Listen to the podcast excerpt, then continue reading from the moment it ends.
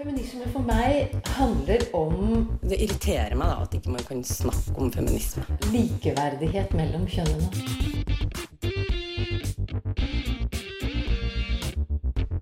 Det blikket på kvinnen på film. handlet det om å bli tatt på alvor som jente.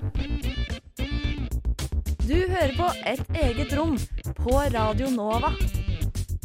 Nyår betyr nye muligheter til å stille spørsmål ved tingenes tilstand og påpeke de sidene ved samfunnet som fremdeles ikke er bra nok. Så hva blir debattene, kanskje, i dette året 2017?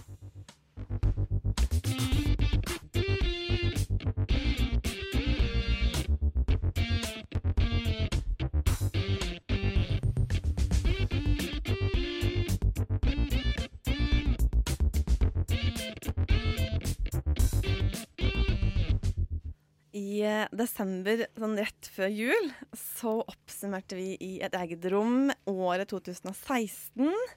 Og nå skal vi forsøke å leke litt sånn spådamer. og prøve å si litt om hva som kanskje blir de store temaene, i hvert fall noen av de store temaene i det året vi nå har kommet inn i. Og da er det Elin Hystad, Lisa Irene Aasbø og Lina Rosberg som skal snakke. Og eh, vi skal snakke litt om politikk og litt om samfunn og litt om kultur og litt sånn forskjellig. Prøve å touche borti noen store overskrifter. Og så får vi besøk av Madeleine Schulz fra Agenda Magasin. Som kanskje nå har hørt om. Hun eh, har jobbet masse med feminisme før, og gjør det fremdeles. Eh, og hun kan kanskje hjelpe oss med å sette ord på noen av de tingene som vi håper skal diskuteres eh, i dette året som kommer. Er dere klare, Eline og Lisa? Ja. Ja. Det er jo litt sånn der, Det er noen ting jeg håper skal skje. Selvfølgelig så håper man jo at debatter skal bli litt sånn mer kanskje fruktbare, da, tenker jeg også, enn de var i fjor. Og så tror jeg jo kanskje på en måte ikke at det nødvendigvis kommer til å skje. Men så er det noen ting som man vet kommer til å skje også. Så det blir jo kanskje litt begge deler. Det vi Som, vet skal som for eksempel hva da? Det er sånne politikere som skal innsettes, og uttellinger som skal skje. Det vet vi ikke skjer. Ja, ikke sant? Det, det er sant. det er Ja. sant. Men så kan det jo være at det skjer noe som f.eks. nye regjeringer skal komme, men vi vet ikke helt. Kanskje det blir eh, 60% kvinner, 70% kvinner, kanskje det blir 50-50. Akkurat det med valg er veldig spennende, for det er ganske yeah. mange valg i Europa i år. Det er det, ja. Og så er jo da Trump Han blir jo ganske snart innsatt som ny president. eh, Og ingen vet helt sikkert hva han kommer til å finne på. Nei. Så det politiske året 2017 kommer til å bli ekstremt spennende. Eller det kan i hvert fall potensielt bli det. Ja. Så det, eh, det skal vi helt sikkert snakke mer om. Eh, jeg har funnet litt sånn eh, musikk som jeg har spilt på nå før, og som vi, i hvert fall enkelte i et eget rom, er litt sånn glad i. Og da kommer her eh, først fra Stavanger, Lisa. Det burde du like godt. Ja. Ja, litt uh, praktpunk. Her er Slutface.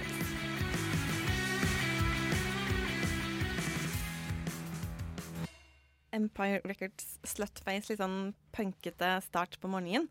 Og feministisk. Og feministisk, Yep. ikke minst. 2017 har startet, og noe av det første som skal skje, som er en høydepunkt i Oslo, og Norge, det er at Dixie Ressurssenter de har en eh, pris, Dixie-prisen, som deles ut til en person eller bedrift som har jobbet for å sette voldtekt på dagsordenen. Og er det ett tema som var stort i 2016, og som bør være stort alltid, det er jo voldtekt. Dere er enige? Nikker. Ja. Begge to nikker mot det. Det er veldig godt her. Det var ikke så mye mer å tilføye. Når du, Nei. Eh, det her er en pris. Jeg hadde faktisk ikke hørt om den Ikke heller. Det er derfor jeg Hvorfor har man ikke hørt om det her før? Det er jo kjempeviktig. Ja. Eh, men det har blitt delt ut årlig siden 1999. Og når du googler det, så får du kanskje en sak, sånn en eller to sak for hver utdeling. Da. Sånn, den personen vant årets Dixie-pris. Mm. Eh, det her syns jeg verden, eller Norge, bør gjøre noe med.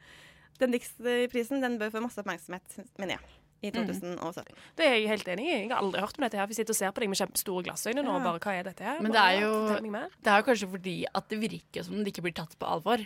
Fordi at når disse debattene kommer opp, så er det jo fortsatt sånn at jeg er liksom stuck i sånn Ja, men kanskje det var fordi du hadde kort kjole. Og når vi liksom er der fortsatt, så er det jo selvfølgelig vanskelig å få fram det her.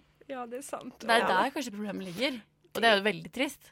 Det er kjempetragisk. Men når alle på en måte Det virker jo nesten som at det grunnleggende enigheten om at det er et viktig tema å få fram, ikke er enighet rundt, da. Ja, det er sant.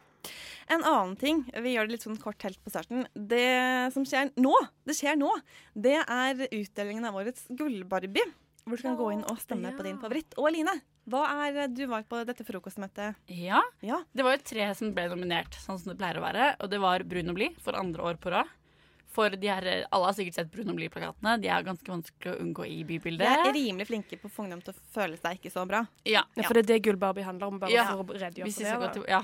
eh, hva, hva heter det? Best på å få ungdom til å føle seg verst er det kjempecatchy slagordet som Press, Redd Barnas Ungdom, har fått på uttellinga si Gullbarbie. Uh, nummer én, da. Brun og blid. Nummer to, Nettavisen for side to og side tre. Jeg hadde ikke hørt om de før, men når jeg klikka meg inn, så ble jeg overraska over hvor eh, gammeldags eh, Du hadde ikke hørt om de før? Nei, jeg hadde ikke hørt om de før. Oi, jeg får det det er jo- newsfeeden min, eller en oh, ja. eh, For det er alltid et eller annet Ja. menneske som Det er deler et mye eller annet. kjendisladder og sånn der, er det ikke det? Ja, for det er sånn side to rettes mot damer og side tre mot menn. Og det er sånn når du kommer inn på side tre, så er det sånn, da plutselig blir den mørk og blå, og det handler bare om Tesla, liksom, og bryst eller nakne puppebilder, liksom. Det er veldig, veldig klart kjønnsskille. Så de har jo kritisert for det, da. Press å spille på gamle kjønnsroller.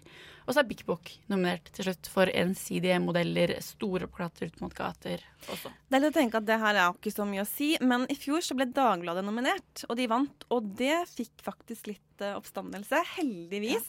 Dagbladet kan man kritisere for eh, liksom, dårlig respons, kanskje, men at det, det fikk en debatt, og det er jo på en måte målet med denne prisen. Det handler om hvorfor, hvorfor vi sliter så mye, ungdommer sliter så mye som de gjør. Og hva, hvor kommer det her presset fra? Fra litt sånn kort uh, poengtert start, litt, så skal vi ganske snart få inn Madeleine fra Agenda Magasin og prøve å touche borti litt sånn større emner. Uh, og mens hun nå er på vei inn i studio, så skal vi få litt uh, mer musikk.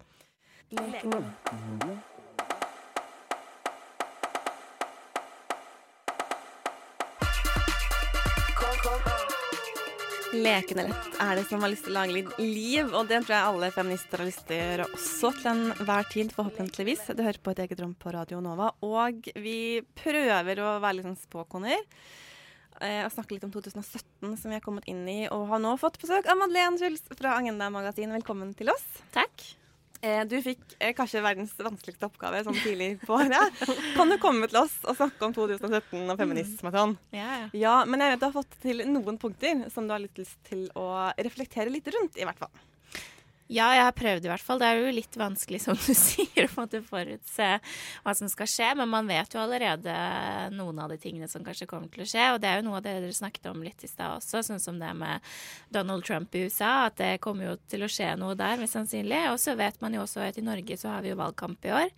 Eh, så der kommer man antageligvis til å ha noen diskusjoner. Så det er jo liksom man, man vet jo på en måte noen ting som kommer til å skje, man vet jo ikke helt hva innholdet blir. Med feminisme da, så tenker jeg at det kommer til å være som det har vært de siste årene, og det er at man må fortsette å ta de kampene som vi har tatt så langt. Eh, og så tenker jeg at en stor oppgave også for meg i det jeg driver med med å skrive, eh, er å på en måte tydeliggjøre tydeliggjøre det som er felles da, i de enkeltsakene. Det er på en måte ikke én og én sak, men det er ting som henger sammen her.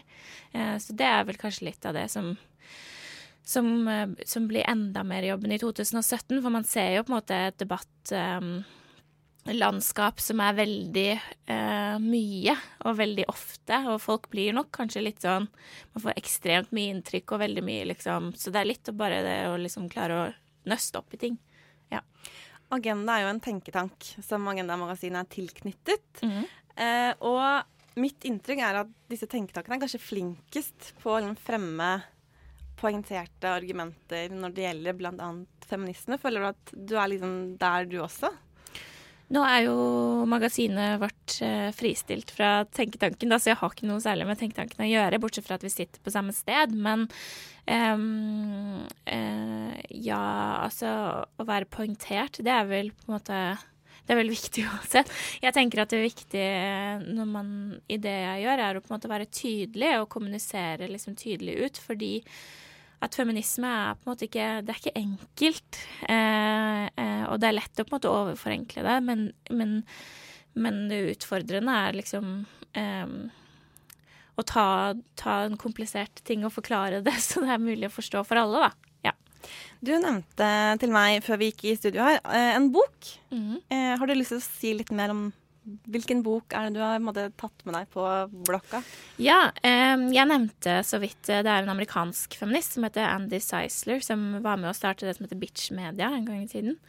Uh, som har skrevet en bok um, som heter We Were Feminists Once. Den kom ut i 2016, da, men jeg tenker jo at den er like aktuell nå i 2017 også.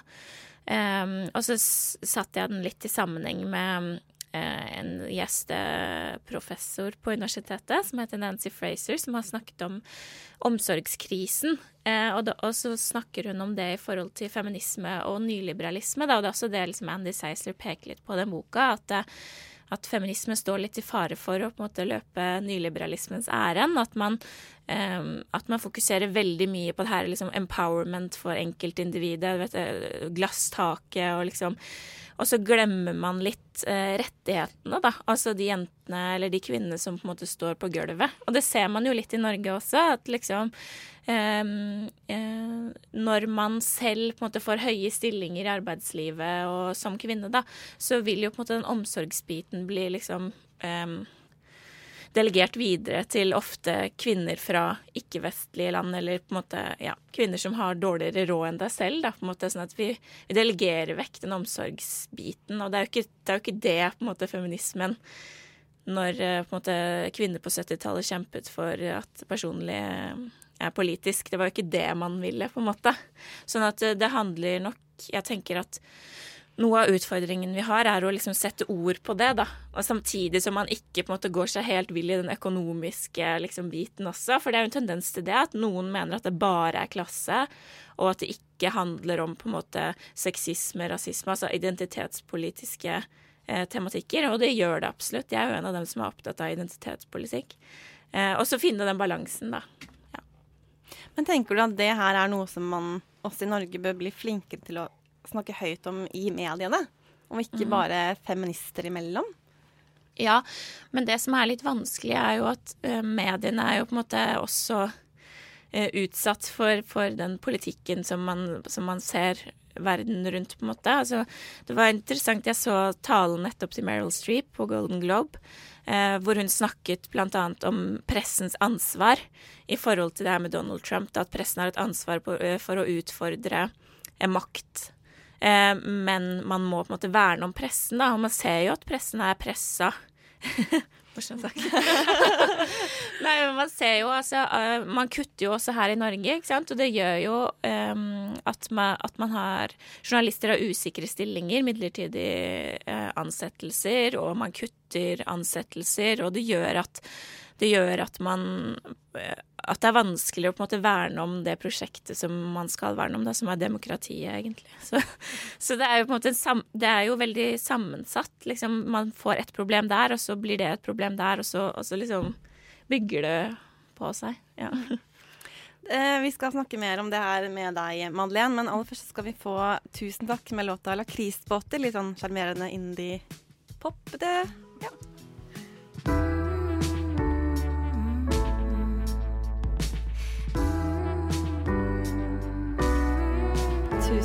Tusen har hører du tone til her. Det er eh, soloprosjektet til eh, Unn Lange Bauer, Buer, mener jeg, som har fått med seg eh, en håndfull musikere som band.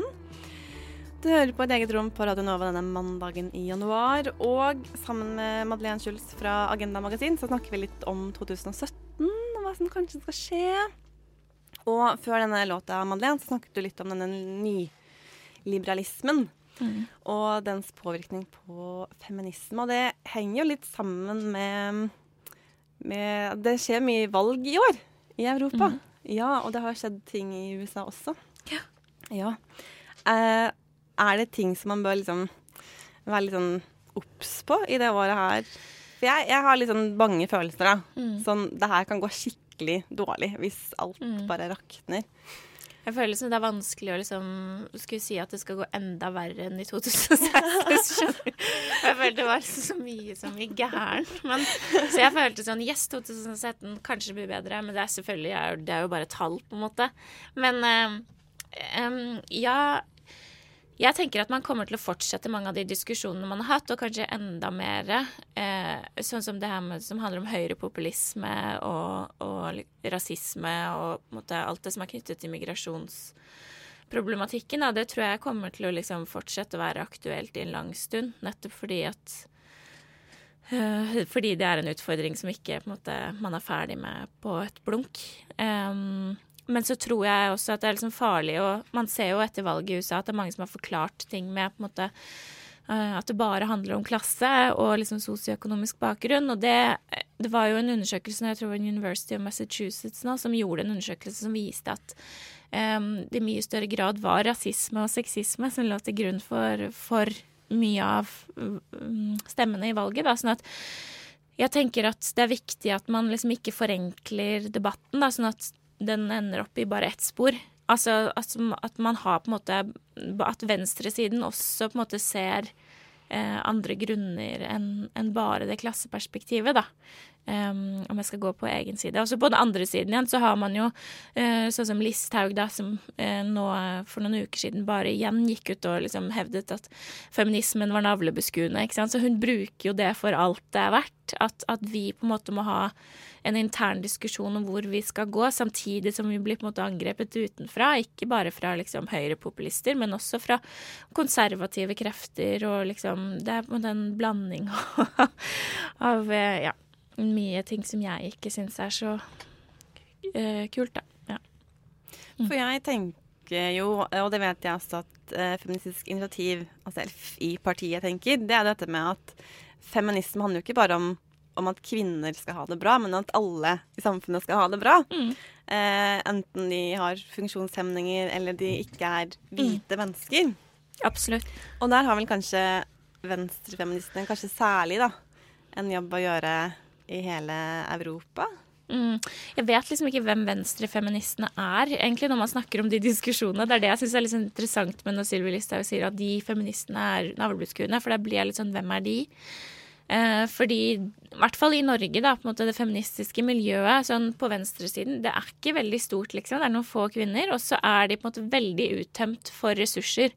Og det er jo på en måte også en effektiv strategi ikke sant, fra den andre siden. Hvis man tømmer ut liksom de frivillige organisasjonene som jobber i det feltet her, ikke bare feminisme, men antirasisme, liksom alle disse her organisasjonene som liksom skal drive bevegelsen, hvis de blir tømt for ressurser, så er det også mye tyngre å drive den kampen. ikke sant? Så at det henger, alt det her henger sammen, liksom. Sånn at jeg tror mange av dem syns det føles litt urettferdig å liksom få liksom mye av den kritikken når de faktisk jobber med en del av de tingene her, da. Um, og har så lite ressurser som de har, liksom, så er det vanskelig å nå ut, da.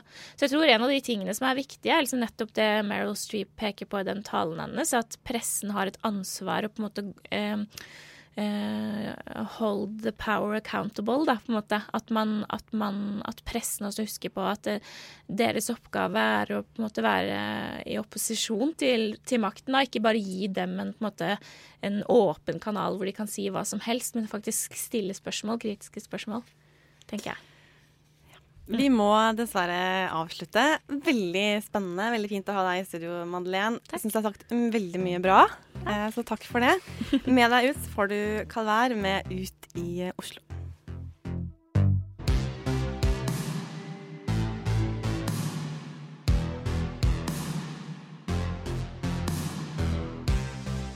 Kalvar er liksom vel ut i Oslo by og danser til lagen blir ny. Det er Oslo-band, altså. Søskenduo med frontfigure Sara i spissen. Du som er sliten og sinna og lei. Nå vil vi synge ei vise til deg om at kvinner kan si fra, protestere og slåss. Bli med hos oss. Du hører på Et eget rom. Likestilling kommer ikke av seg selv. Nesten man kan danse litt uh, her. uh, ja, 20. januar. Det er den store dagen for noen, kanskje, i statene, Lisa. Ja. Du var superskuffa da Trump vant presidentvalget. Ja. Jeg, var så, jeg var veldig veldig nær å bestille billetter til den innsettelsesseremonien før valget tok sted. Var så sikker på hvem det skulle bli som vant. Veldig glad for at jeg ikke bestilte billetter, for å si det sånn. Ikke så måtte stå der bak og bare Se mutt ut. Nei. Ja, sånn, ja, har jo billett, liksom. Må jo være her. Ja. Stor dag uansett. Ja. Jeg skal iallfall ikke dra. Veldig glad for det. Men eh, det blir jo spennende å se da, hva som kommer til å skje i 2017, når han eh, Trump står med eh, styrbord. Ja, det er jo litt spennende med disse ministrene hans. For denne, Hvis vi Ja. skal kalle det en regjering, jeg vet ikke hva de kaller det i Kongressen, ja. Men, ehm, men det er jo veld, det er veldig få av dem som har eh, politisk bakgrunn. Og veldig mange av dem er veldig konservative. Og så er det Jeg har sett Aftenposten hadde en liste over hvem de tror, jeg vet ikke om alle er bekreftet, og ingen er jo godkjent ennå av Senatet, men det er tre kvinner av veldig, veldig mange menn. Ja, de iallfall Ja. tre kvinner, da. Ja, det er jo flere enn ingen, men Ja. eh, Men hva kan man forvente, liksom, tenker jeg da. Det lurer jeg litt på. Hvor er det lista ligger hen, sånn i utgangspunktet? Det er vel det som er litt problemet òg, tror jeg. Fordi Ja. når, vi, når han blei Når han først satte i gang eh, Altså, vi har vel alle sammen regna med at han ikke kommer til å gjennomføre alt det han snakka om i, i, i, i gjennom valgkampanjen. Mm. For der var det mye rart, og vi tror ikke han blir sånn. Eh, men det er jo ingen som vet hva han har tenkt å gjøre, virker det som. Og det blir bare mer og mer uklart. Ja, men man sitter jo bare og spekulerer. Og Ja. det er jo det jeg har tenkt å gjøre nå. Fordi eh, jeg har lest meg litt opp på hva han kommer til å gjøre med abortloven, eller det folk tror. ja. Eller Det det, han har sagt litt sånn ish, sånn halvveis, hva han har tenkt å det gjøre, er som liksom ulmer litt. som man er litt usikker på Ja. Ja, for det vi vet er jo at Trump han må velge um, i alle fall én ny høyesterettsdommer.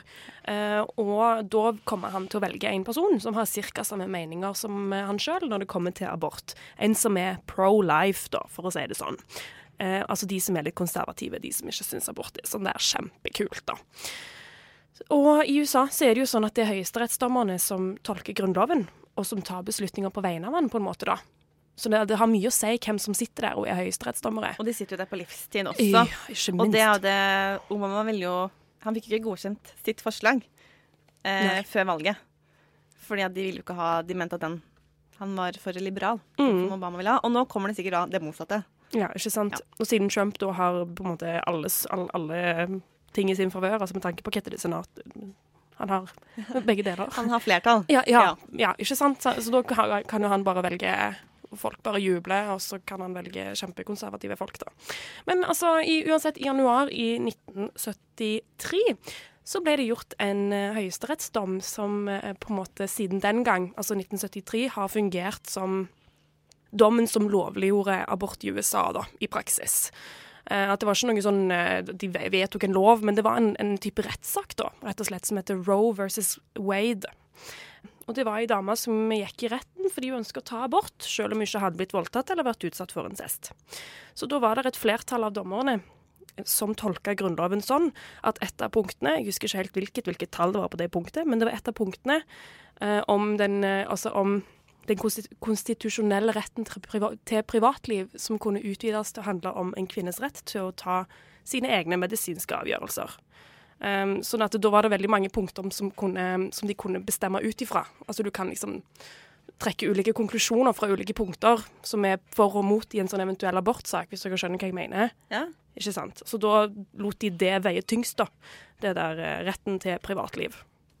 Og, der, ja, og så utvida det til medisinske Nå avgjørelser. er vi litt bekymra for den eh, saken der. Ja, for det er vel det at han kan velge en dommer som kan eh, At det er snakk om å kanskje overstyre den loven der, da. Mm. At det kunne, eller overstyre den domsavgjørelsen som siden den gang har stått urørt. Så da er det snakk om at han kan velge en, en Altså, det er veldig vanskelig, dette her. Og så er det vanskelig å si, syns jeg, hvor egentlig erkekonservativ han er også. For han har jo levd et ganske liberalt liv på mange måter. Det er vel ikke han som er så konservativ, Nei, men når han det, det er det plukker han konservative til. folk Ja, til viktige jo- posisjoner, Mm. så vil jo det ha kanskje større innvirkning på den reelle politikken enn det han som person har. Det blir veldig spennende å se. Altså, men det er også noe med disse holdningene som han signaliserer. Da. Men jeg må bare si helt til slutt, fordi jeg har jo følt at det her er liksom håpløst. Men jeg så at det, det skal arrangeres en sånn Women's March on Washington, som den heter, lørdag klokka 10, 20. januar, når det innsettes. For å liksom markere, da, for at de vil liksom sette litt press på den nye, nye styret akkurat når det settes inn. Og understreke at rettigheter er viktig, og helse er viktig, og et mangfold er viktig. At mangfoldet styrkes, og det er det som er USA sin, sin fine side. Og de har fått kjempestor oppslutning. Så jeg tror det, det kommer til å skje mye spennende ting i USA også. Mm. Og det er mange som markerer seg imot det som skjer. Det er ikke sånn at det er helt Det liksom, Det er ikke helt håpløst. Det er bare sånn OK, OK, OK. Ja, Ja. ja, OK. Ja. Folk har ikke gitt opp, og det er jo det beste. Vi skal snakke litt mer om politikk, men uh, bort fra USA akkurat nå. Uh, og vi skal faktisk til Bergen med Nora Ski Kåssve.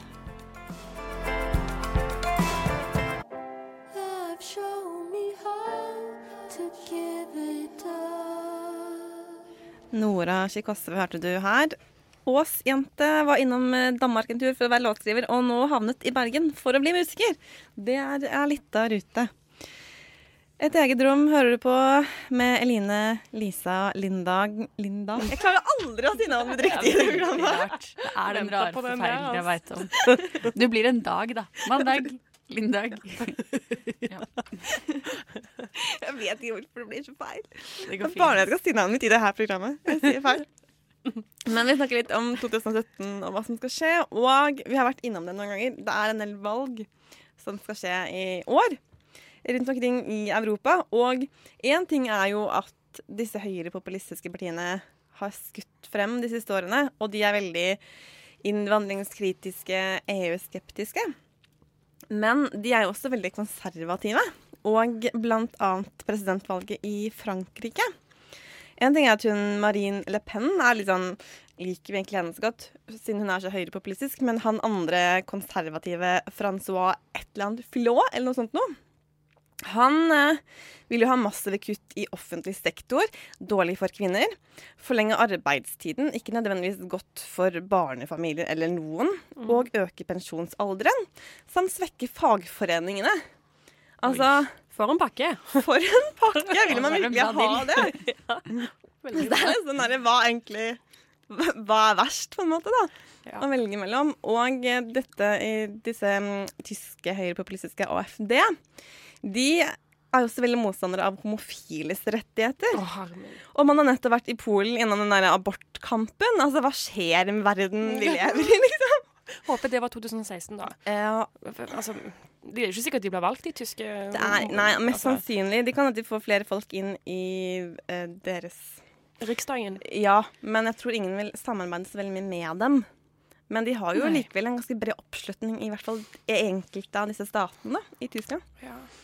Det føles litt sånn der, som det er noe man ikke kan gjøre noe med også, da. Ja. Eller jeg får litt sånn avmaktsfølelse. Og så får jeg alle de her som kan skikkelig masse, som kommer ut og sier sånn dette er det som skjer når vi i eliten glemmer arbeiderklassen altså, Det er så mange som har sagt så mange sånne ting etter Trump, syns jeg. Det er sånn. Man Men- har gått helt lei av det også. Eh, Altså, hvis jeg ikke tar helt feil, i Norge eh, Det er veldig spennende hva som skjer i Norge også, men FI, som vi nevnte i stad, de har vel fått nok underskrifter har de ikke det, til å stille til stortingsvalget? Er det noen som vet det? De har vært på innsamlingsaksjon. Ja, det har jeg sett. Ja. Ja. Nei, det, det, det har Nei. Akkurat det har jeg ikke sett. Det burde man jo Men jeg kan finne ut av det, så kan vi snakke om det etter neste låt. ja, for eksempel. Ja, bare nevne det kort. Uansett, da, så er det Jeg vil jo si at det er jo flere Altså SV blant annet eh, er jo litt mer på den feministiske ballen. Ja. Og ikke de eneste. Så jeg vil jo si at vi er litt heldige i Norge, da. Så kan man si hva man vil om de som sitter i regjeringen til enhver tid, men det er i hvert fall politikere på Stortinget og i kommunene som er veldig for eh, likestilling og likeverdighet. Ja, og sjøl i, i liksom Høyre og eh, nesten selv Frp, så er det jo eh, Altså, det er jo ikke gærent mye av Folk, det de altså, folk er generelt enig i at det er en ting som er bra, da. At likestilling er viktig. Mhm. Og så handler det litt om, om hva man legger i det, eller hva man tror er grunnen til at det ikke er likestilling, tenker jeg. Men det er jo noe man i hvert fall er enig om at man trenger. Det er nettopp det. I, fra Göteborg så har jeg funnet et band, eh, Agent Blå. De er 18-19 år gamle nå, og den låta er fra i fjor, så da var de enda yngre. Her er Frustrerende.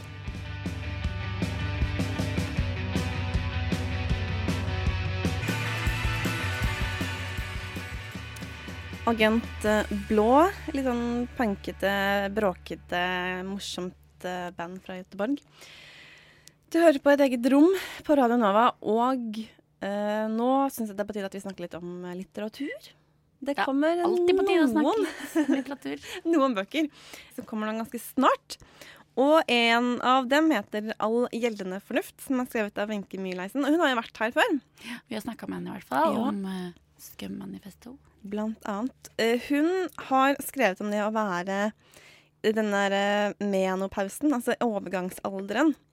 Og det er jo en fase som jeg tror aldri har lest en roman om det. Eller den, den delen av livet, da. Man leser jo veldig mye om puberteten, Ja. men det her er jo på en måte en slags eh, omvendt pubertet. Ja, Kan man ikke si det?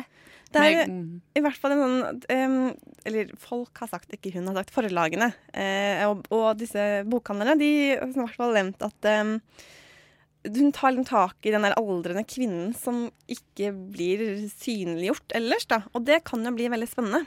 Eller verdsatt i vårt samfunn som bare bryr seg om unge damer som er 19-20 år gamle, liksom. Blant annet. Jeg synes det er et viktig, det er viktig sånn pling til eh, feministisk litteratur. Mm, Og så er det ei politiker, Anette Trettebergstuen, som jeg vet ikke om hun er det nå, men i hvert fall var hun i en periode, den eneste åpent lesbiske politikeren på Stortinget.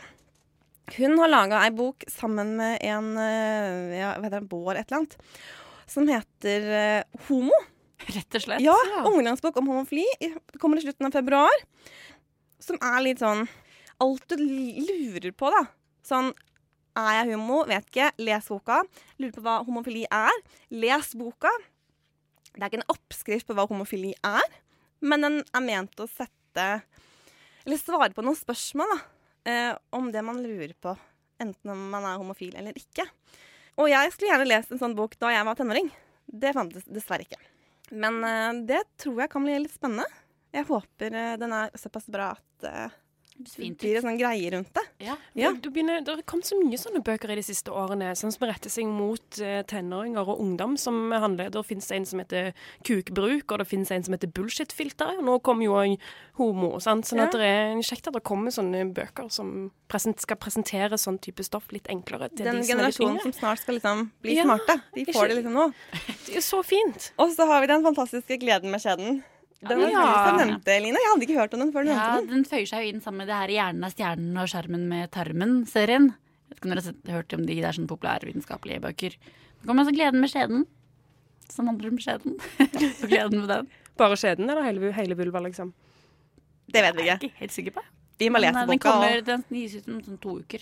ja, alle de tre liksom- bøkene kommer veldig sånn ganske snart. Mm. Vi kan ikke vente så lenge. Det er så lenge å vente. Man må vente på bøker til som kommer i sånn til sommeren. vi tar de første som kommer. Kan jeg bare si forresten om Ja. FI? Ja.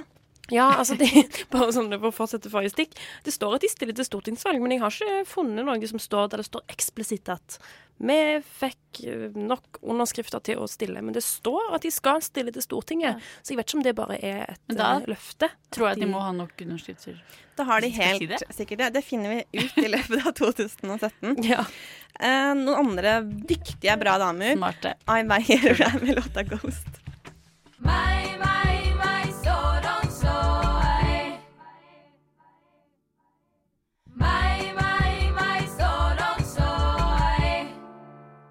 Fransk-cubanske Ayn Bailly, som består av tvillingsøstrene Lisa og Naomi, hørte du her, med 'Ghost'.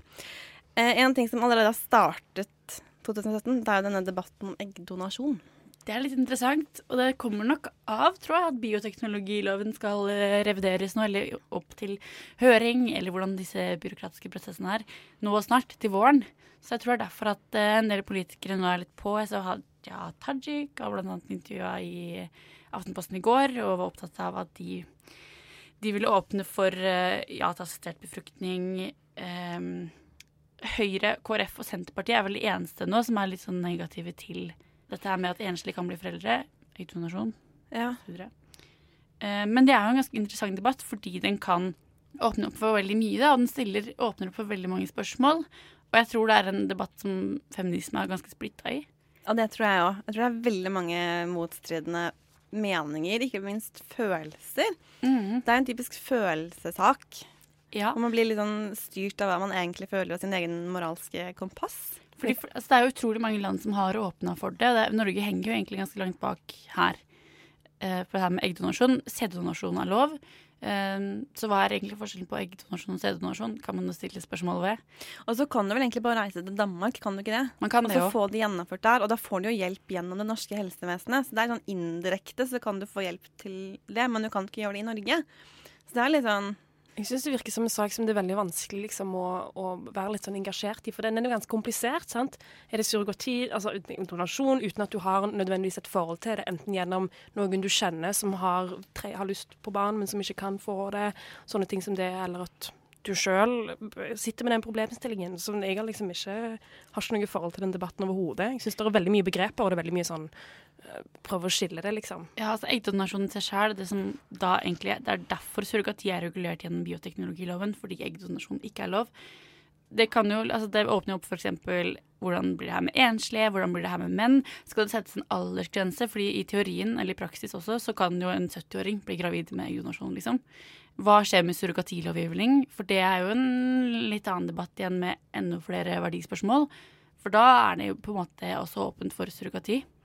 På mange måter. Hvis du åpner for eggdonasjon? Ja. Men er ikke eggdonasjon at du tar ut egg og setter det i noen andre? Jo. Men er det Hvorfor Altså surrogati um, Altså, du kan være surrogat i Norge, men du må bruke dine egne egg. Hvis det gir mening, da. Altså hvis du, hvis du har en kompis, og han har en homofil mann eller kjæreste, og de vil ha barn, så kan du si ja, ja, men da fikser vi det på den måten at dere gjør meg gravid. Ja. Og så går du gravid, og det er jo ditt barn. Og så, når det barnet blir født, så blir du registrert som mor, og så må du på en måte fra gi deg det ansvaret, da, og gi din barnet. Ja, det her med surrogati er også vanskelig, fordi barneloven som vi har i Norge, sier jo at eh, den som eh, er gravid, er mor. Så der er det også noen problemer. Men det åpner i hvert fall opp, da. Det gjør det mye lettere å lovliggjøre surrogati i Norge. Så det tror jeg kan bli en spennende debatt, som det kommer veldig mange verdiperspektiver inn. Um, og en debatt som har ligget død ganske lenge. Da vi snakka om det her for et halvt år siden nå i, et eget rom, så var det egentlig ikke så mye, mer, mye snakk om. Vi må nesten eh, komme oss videre, litt sånn kjapt. Klokka er iallfall ti, og det betyr et eget rom. Du hører på Et eget rom. Ja, klokken er ett minutt over ti, og du hører på et eget rom her på Radio Nova. God mandagsmorgen. Du hører på Radio Novas feministiske radioprogram. Eh, du hører på Radio Nova. Eh, et eget rom.